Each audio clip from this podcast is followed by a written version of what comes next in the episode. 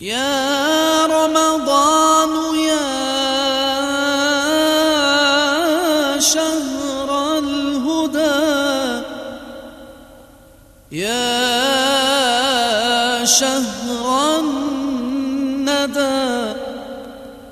يا شهر البركات.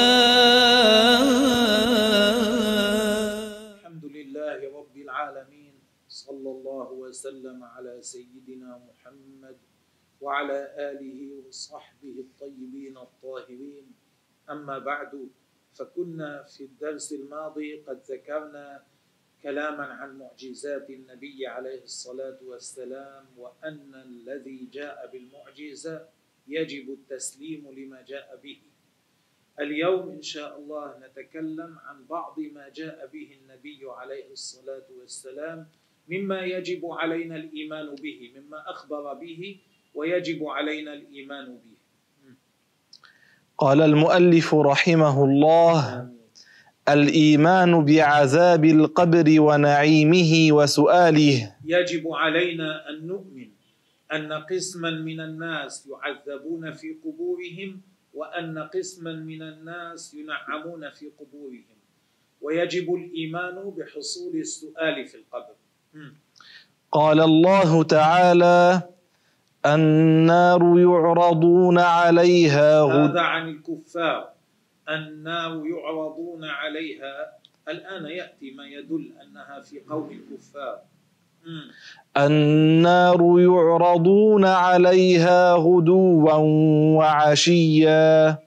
ويوم تقوم الساعة أدخلوا آل فرعون أشد العذاب. النار يعرضون عليها غدوا وعشيا يرونها نار جهنم في الغدو وفي العشي.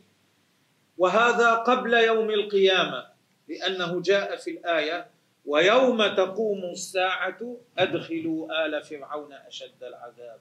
إذا هذا قبل يوم القيامة. متى هو؟ في الدنيا لا تعرض النار على الكافر في الدنيا. إذا هو في القبر. نعم. وقال تعالى ومن أعرض عن ذكري فإن له معيشة ضنكا. من أعرض عن ذكري أي من ترك الإيمان بما أنزلت على نبيي. هذا معنى من أعرض عن ذكري. من تولى وكفر فإن له معيشة ضنكا صعبة قاسية شديدة. أين هذه المعيشة الضنكا؟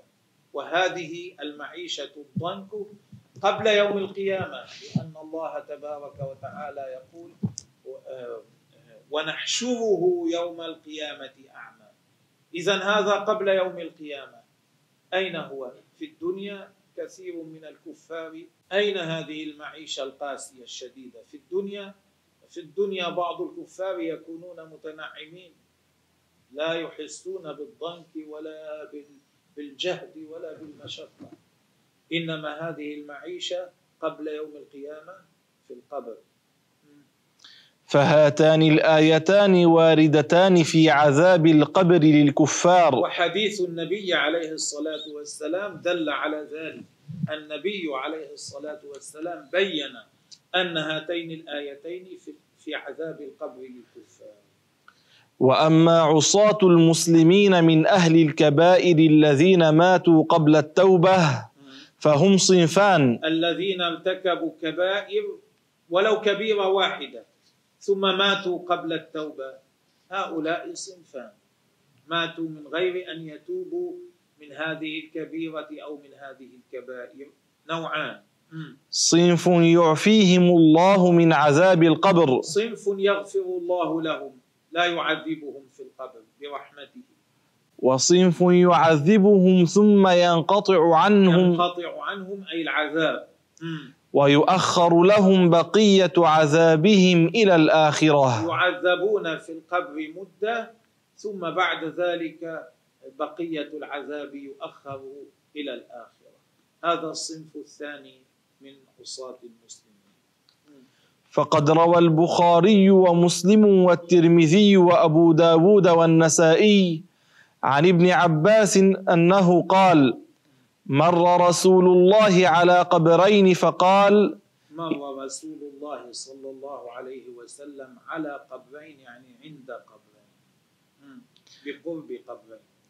فقال إنهما ليعذبان هذان اللذان دفنا وكان القبران حديثين ليس من قبور الكفار بل من قبور الأمة المحمدية. الذي اللذان دفنا فيهما كانا مسلمين. قال إنهما ليعذبان. هذان اللذان في القبرين يعذبان. هذا إنهما ليعذبان تأكيد أنهما يعذبان. وما يعذبان في كبير إثم. قال بلى. يعني والذي يعذبان فيه قد يظنه بعض الناس ليس كبيرا لكنه كبير. كل أمر من الأمرين اللذين يعذبان فيه ذنبه عظيم. أما أحدهما فكان يمشي بالنميمة. اما احدهما كان يمشي بالنميمه يكل يت ي- ي- ي- ينقل كلام زيد إلى عمر ينقل كلام الناس فيما بينهم حتى يفسد بينهم. هذه هي النميمة. مم. وأما الآخر فكان لا يستتر من البول. وأما الثاني فكان لا يستتر من البول يعني لا يتوقاه يلوث نفسه وثيابه بالبول. لا يهتم أن يقي نفسه من البول. ثم دعا بعسيب رطب فشقه اثنين. كما يفعل بعض الناس. يبول ثم لا يهتم بأن يستنجي أو إذا كان يلبس السراويل يرفع سراويله إذا كان يلبس غير ذلك يخفضه. إذا كان يلبس ال- القميص ينزله. من غير أن يراعي انقطاع البول. يلوث جلده وثوبه بالبول لا يبالي. هذا ذنب عظيم. ثم دعا بعسيب رطب فشقه اثنين. نخلة رطب فشقه اثنين. فغرس على هذا واحدا وعلى هذا واحدا. لأن الغصنين ما داما رطبين فإنهما يسبحان الله تبارك وتعالى يذكران الله تبارك وتعالى. فينتفع الميت بذكرهما. ثم قال لعله يخفف عنهما. قال العلماء إذا كان الميت ينتفع بذكر بتسبيح الغصنين الرطبين فكيف بقراءة القرآن؟ لذلك لم يختلف العلماء أن قراءة القرآن عند القبر تنفع الميت. من قرأ القرآن عند القبر نفع هذا الميت نعم. بقي شيء نقوله قبل أن ننتقل أن ما ذكرناه أو ما ذكره شيخنا رحمه الله في قوله قبل ذلك ويؤخر لهم بقية عذابهم إلى الآخرة ليس معناه أنهم لا بد أن يعذبوا في الآخرة. قد يعفو الله عنهم قد يعذب في القبر ثم يعفو الله تعالى عنه في الآخرة. لكن يؤخر بقية العذاب إلى الآخرة. فإما أن يعذب في الآخرة وإما أن يعفو الله عنه. امضي واعلم أنه ثبت في الأخبار الصحيحة عود الروح إلى الجسد في القبر. إيه بعد أن يدفن الإنسان ترجع الروح إلى بدنه. كحديث البراء بن عازب الذي رواه الحاكم والبيهقي وأبو عوانة وصححه غير واحد غير واحد يعني أكثر من واحد أكثر من واحد من علماء الحديث الحفاظ قالوا هذا الحديث صحيح. وحديث ابن عباس مرفوعا. ما من أحد يمر بقبر أخيه المؤمن كان يعرفه في الدنيا فيسلم عليه إلا عرفه ورد عليه السلام. هي أكثر من حديث يدل على أن الروح ترجع إلى الجسد. منها هذا الحديث أنك إذا مررت بقبر من كنت تعرفه في الدنيا فسلمت عليه يعرفك ويرد السلام. رواه ابن وهذا لا يكون إلا برجوع الروح إلى البدن. نعم. رواه إما كل البدن أو بعض البدن لكن لا بد من رجوع الروح إليه. رواه ابن عبد البر وعبد الحق الإشبيلي وصححه. نعم عبد الحق الإشبيلي من حفاظ الحديث. فيستلزم ذلك رجوع الروح إلى البدن كله وذلك ظاهر الحديث أو إلى بعضه. فكيف يسمع ويرد إلا أن تكون الروح قد رجعت؟ إلى البدن كله وهذا هو الظاهر أو إلى بعضه على الأقل. ويتأكد عود الحياة في القبر إلى الجسد مزيد تأكد في حق الأم وي- وهذا متأكد أكثر مما يتأكد وهذا متأكد أكثر في حق الأنبياء مما يتأكد في حق غيرهم. مم. ويتأكد عود الحياة في القبر إلى الجسد مزيد تأكد في حق الأنبياء نعم فإنه ورد من حديث أنس عن النبي صلى الله عليه وسلم الأنبياء أحياء في قبورهم يصلون إيه، فليس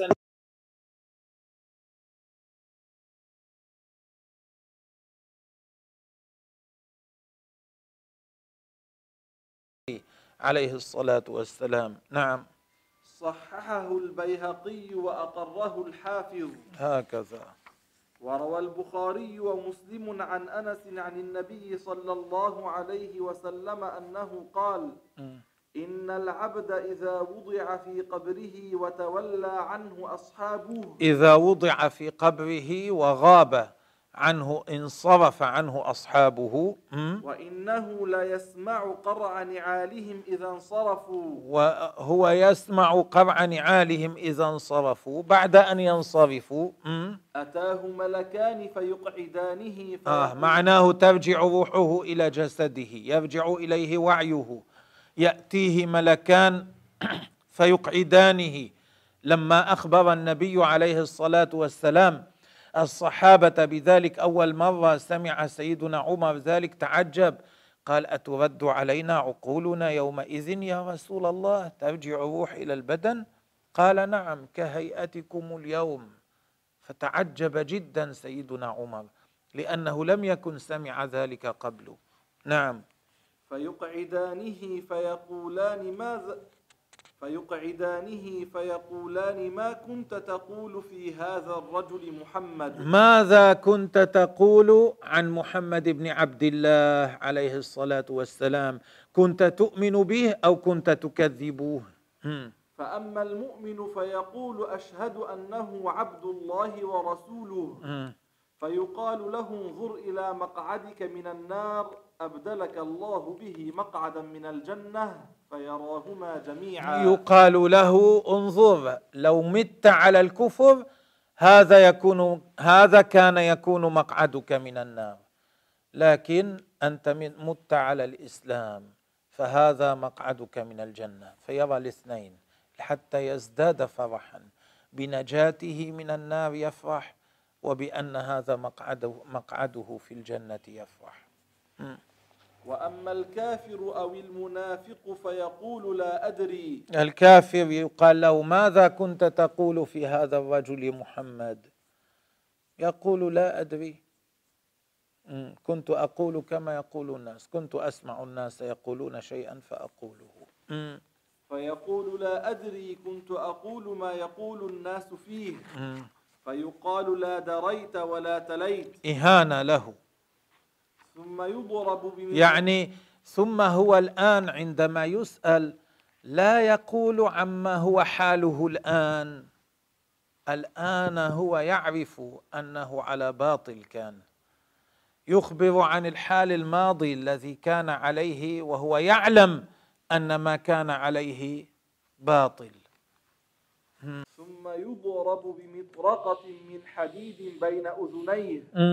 فيصيح صيحة يسمعها من يليه إلا الثقلين. يعني يضرب ضربة شديدة على رأسه يصيح صيحة شديدة منها. لكن هذه الصيحة لا يسمعها الإنس والجن هذان الثقلان. إنما يسمعها من حول القبر من غيرهما.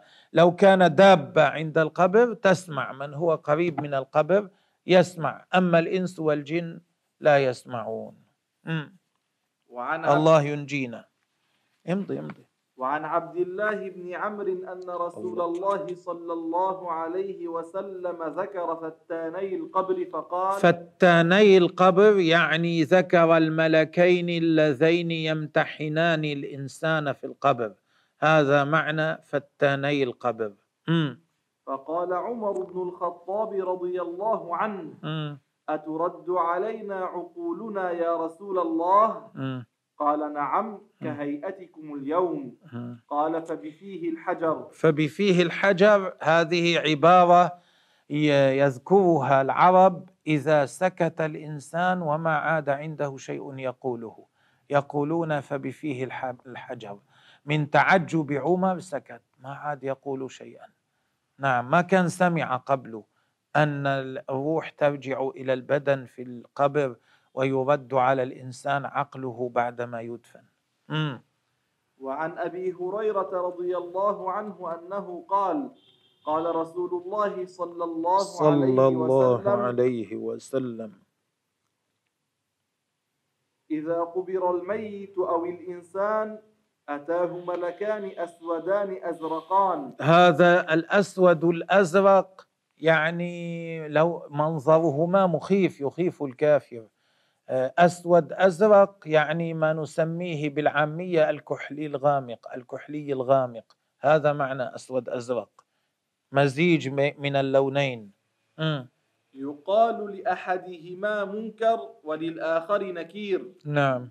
فيقولان له ما كنت تقول في هذا الرجل محمد صلى الله عليه صلى وسلم. الله عليه فهو وسلم قائل ما كان يقول. إيه ما كنت تقول فيه. مم. فإن كان مؤمنا قال هو عبد الله ورسوله. أشهد أن لا إله إلا الله وأشهد أن محمدا عبده ورسوله. إذا كان مؤمنا يثبته الله للجواب فينطق بالشهادتين. مم. فيقولان له إن كنا لنعلم أنك لتقول ذلك. إيه هذا تأكيد. نحن كنا نعرف أنك أن هذا الذي كنت تقوله. مم. ثم يفسح له في قبره سبعين ذراعا في سبعين ذراعا. يوسع له يفسح له في قبره يوسع قبره. سبعين ذراعا طولا في سبعين ذراعا عرضا. وينور له فيه. ويجعل له فيه نور. وبعض الناس قد يوسع لهم أكثر. مم. فيقال له نم فينام كنوم العروس الذي لا يوقظه إلا أحب أهله. إيه يعني ثم يقال له نم فينام يرتاح. ينام نوما هنيئا مثل نوم العروس الذي لا يوقظه إلا أحب زوجاته. أحب زوجة إليه توقظه. أمم. فينام كنوم العروس الذي لا يوقظه إلا أحب أهله حتى يبعثه الله من مضجعه ذلك.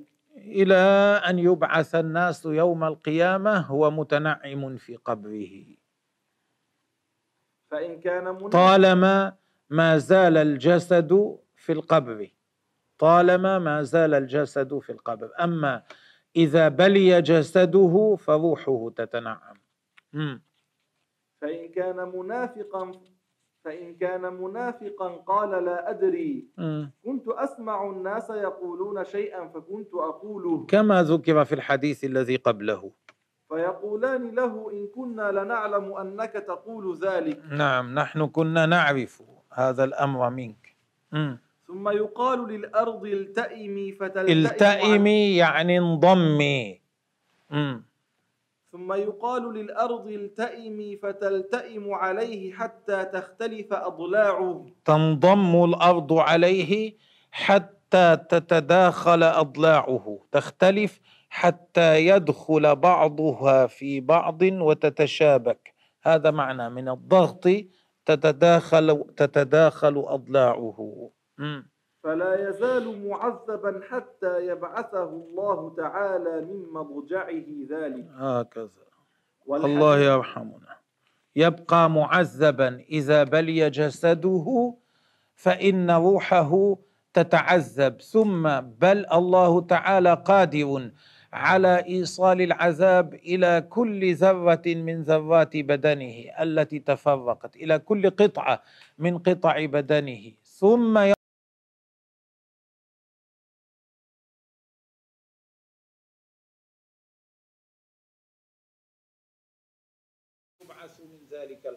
كما أن المؤمن التقي يعاد بدنه وتعاد الروح إليه ثم يبعث من قبره.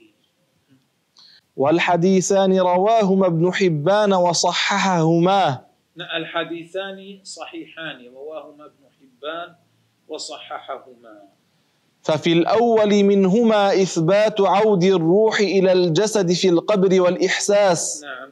وفي الثاني إثبات استمرار الروح في القبر وإثبات النوم وذلك ما لم يبلى الجسد أما إذا بلي الجسد كما قلنا روحه تتنعم روح المؤمن التقي تتنعم.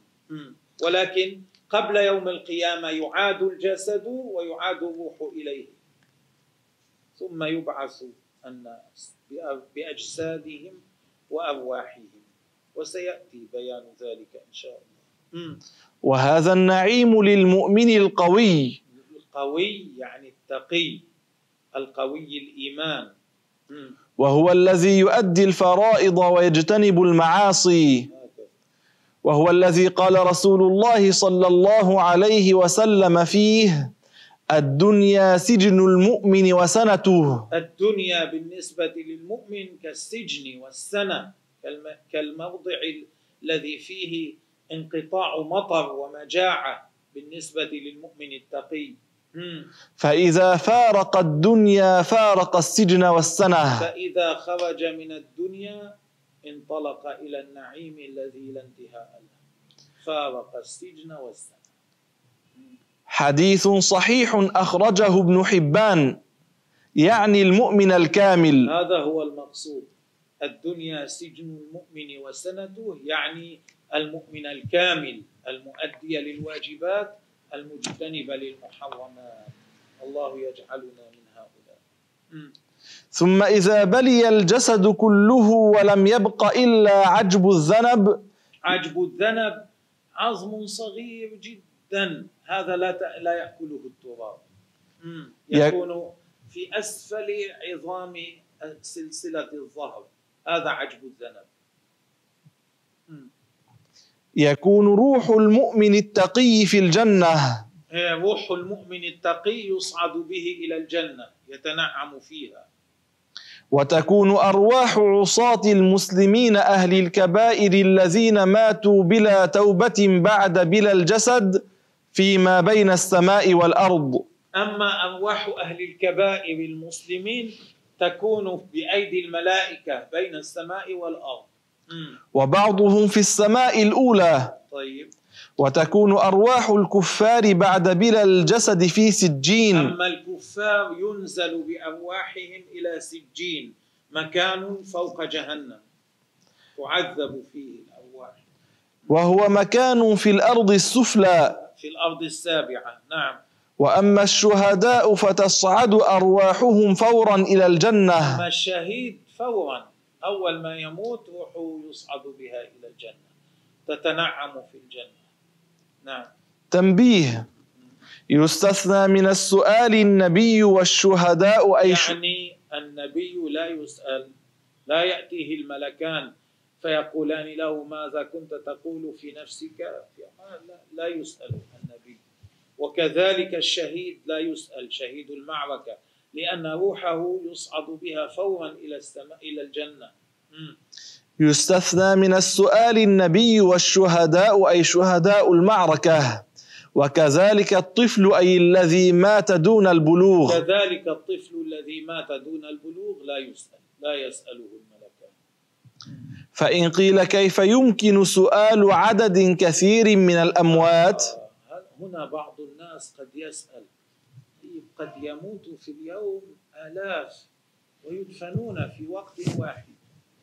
كيف يأتي منكر ونكير إلى هذا وإلى هذا وإلى هذا وإلى هذا وإلى هذا في وقت واحد؟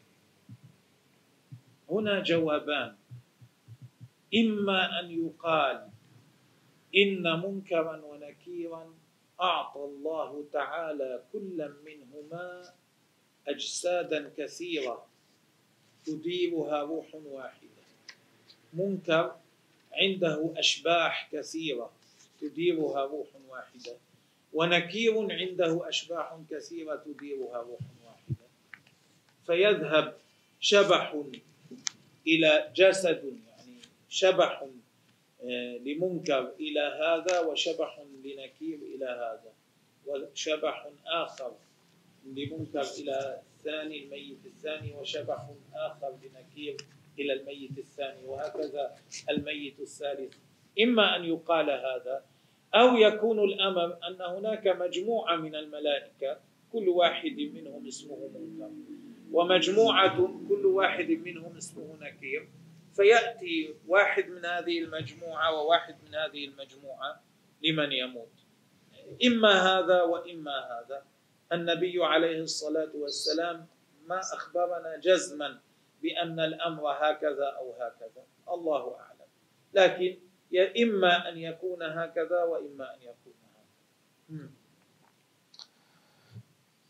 فالجواب ما قال الحليمي إن الأشبه أن يكون ملائكة السؤال جماعة كثيرة. يسمى بعضهم منكرا وبعضهم نكيرا. فيبعث إلى كل ميت اثنان منهم. لكن الحليمي يقول الأشبه الأقرب أن هناك جماعة كثيرة من الملائكة اسم كل واحد منكر وجماعة كثيرة اسم كل كل واحد نكير فيأتي إلى كل ميت اثنان واحد من هذه الجماعة وواحد من هذه الجماعة. هذا هو الأشبه هذا هو الأقرب. حكم منكر عذاب القبر. الآن الكلام عن حكم الذي ينكر ينفي عذاب القبر. وهو شيء كل إنسان كل مسلم يعلم به. كل مسلم يعلم أن عذاب القبر حق. لذلك من أنكره من قال لا هذا لا يكون فهو كافر. لأنه كذب بأمر معلوم من الدين بالضرورة. أمر عذاب القبر متواتر بين المسلمين؟ نقله الخلف عن السلف الذين جاءوا جيل نقل بينهم جيلا عن جيل إلى النبي عليه الصلاة والسلام. فلا يحتمل أن يكون خطأ. الذي يكذب بعذاب القبر معناه يقول إن رسول الله كذب. نعوذ بالله من ذلك.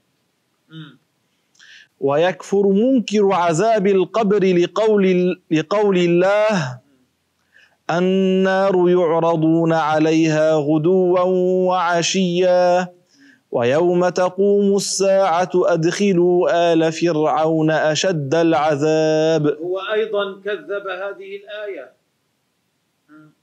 بذلك يكفر. الإمام أبو حنيفة قال يكفر من أنكر عذاب القبر. وغيره. بخلاف منكر سؤاله فلا يكفر إلا أن يكون على وجه العناد. أما الذي ينكر السؤال في القبر ينكر أن يأتي ملكان فيسألان. هذا لا نكفره إلا إذا كان معاندا إلا إذا تبين له أنه جاء هذا عن النبي عليه الصلاة والسلام أن رسول الله صلى الله عليه وسلم قال إذا تبين له أن رسول الله صلى الله عليه وسلم قاله ومع ذلك أنكره فهو كافر. نعوذ بالله من ذلك. البعث. البعث حق وهو خروج الموتى من القبور بعد. ما أخبر به النبي عليه الصلاة والسلام ويجب علينا الإيمان به البعث. هذا معنى قوله البعث حق حاصل ويجب علينا الإيمان بحصوله. وهو خروج الموتى من القبور بعد إعادة الجسد الذي أكله التراب إن كان من الأجساد التي يأكلها التراب. الأجساد نوعان. نوع يأكله التراب ونوع لا يأكله التراب. جسد الأنبياء لا يأكله التراب. جسد الشهداء لا يأكله التراب. أما بعض الأج... أما الأجساد الأخرى فيأكل التراب أغلبها. إذا كان من النوع الذي يأكل التراب إذا كان الجسد من النوع الذي يأكله التراب يرجع الجسد قبل يوم القيامة ويرجع الروح إليه ويخرج الله تعالى يخرجه الله تعالى من القبر فيبعثه. وإذا كان الجسد لا يأكله التراب يكون الروح والجسد في القبر إلى يوم القيامة فيخرجه الله تعالى من قبره. فالبعث هو خروج الموتى من القبور بالروح والجسد. من لم يأكل التراب جسده يكون الروح في جسده في القبر. ومن أكل التراب جسده يعيد الله الجسد ويعيد الروح إليه ويخرجون من القبور. هذا هو البعث. وهي أجساد غير الأنبياء وشهداء المعركة وبعض الأولياء نعم. لما تواتر من مشاهدة بعض الأولياء. يعني الأنبياء جاء في في في الشرع ما يدل على ذلك. والشهداء استدلوا ببعض الآثار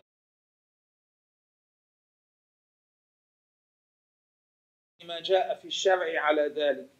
أما الأولياء ليش قال بعض الأولياء؟ قال لما تواتر من مشاهدة بعض الأولياء لم يأكل التراب جسده لأنه حصل كثيرا أنه رؤيا أولياء فتحت قبورهم بعد سنين طويلة فوجدوا كما هم لم يأكل التراب جسدهم كما حصل مع الشهداء. أيضا الشهداء عدد كثير كبير. في أنحاء مختلفة من الدنيا فتحت قبورهم فرؤوا ما زالوا كما كانوا. وأول من ينشق عنه القبر سيدنا محمد صلى الله عليه وسلم. صلى الله عليه وسلم هو أول من يخرج من القبر. لكن هناك استثناء.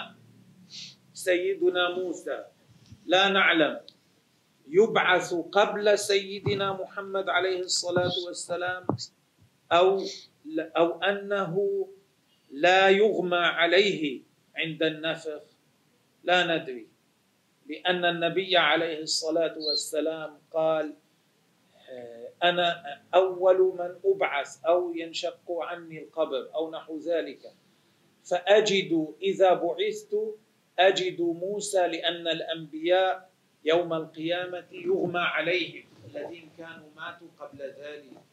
وأجسادهم لم تأكلها التراب عندما ينفخ.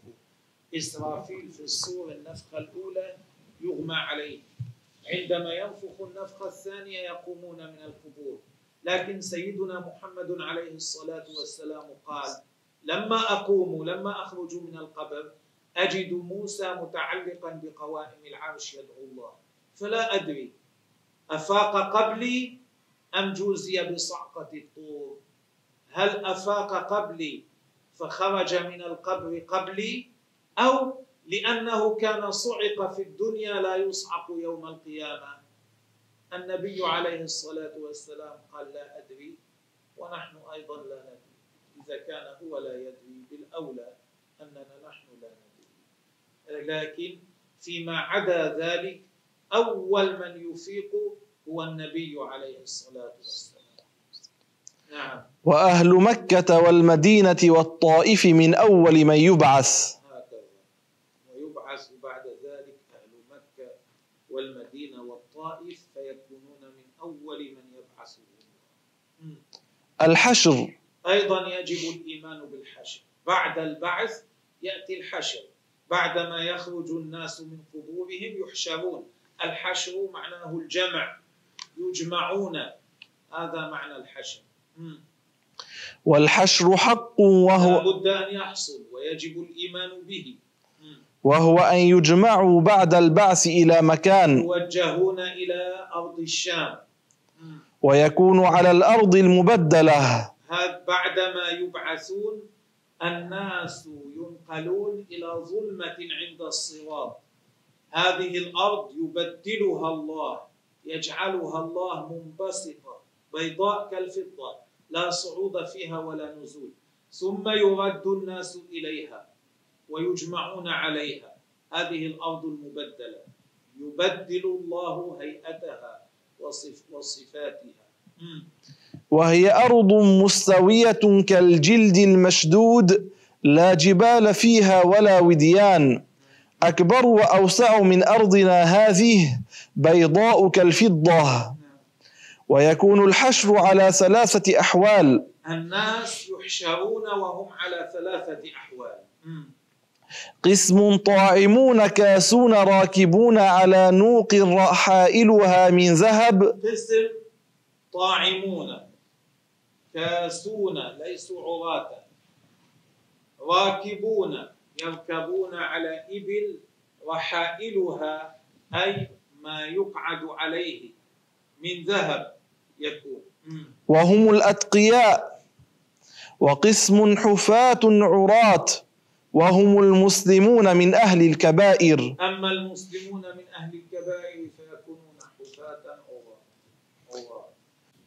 وقسم يحشرون ويجرون على وجوههم وهم الكفار. وقسم يجرون على وجوههم يحشرون يجرون جرا على وجوههم وهم الكفار. أعاذنا الله من مثل مصيره. والله تعالى أعلم.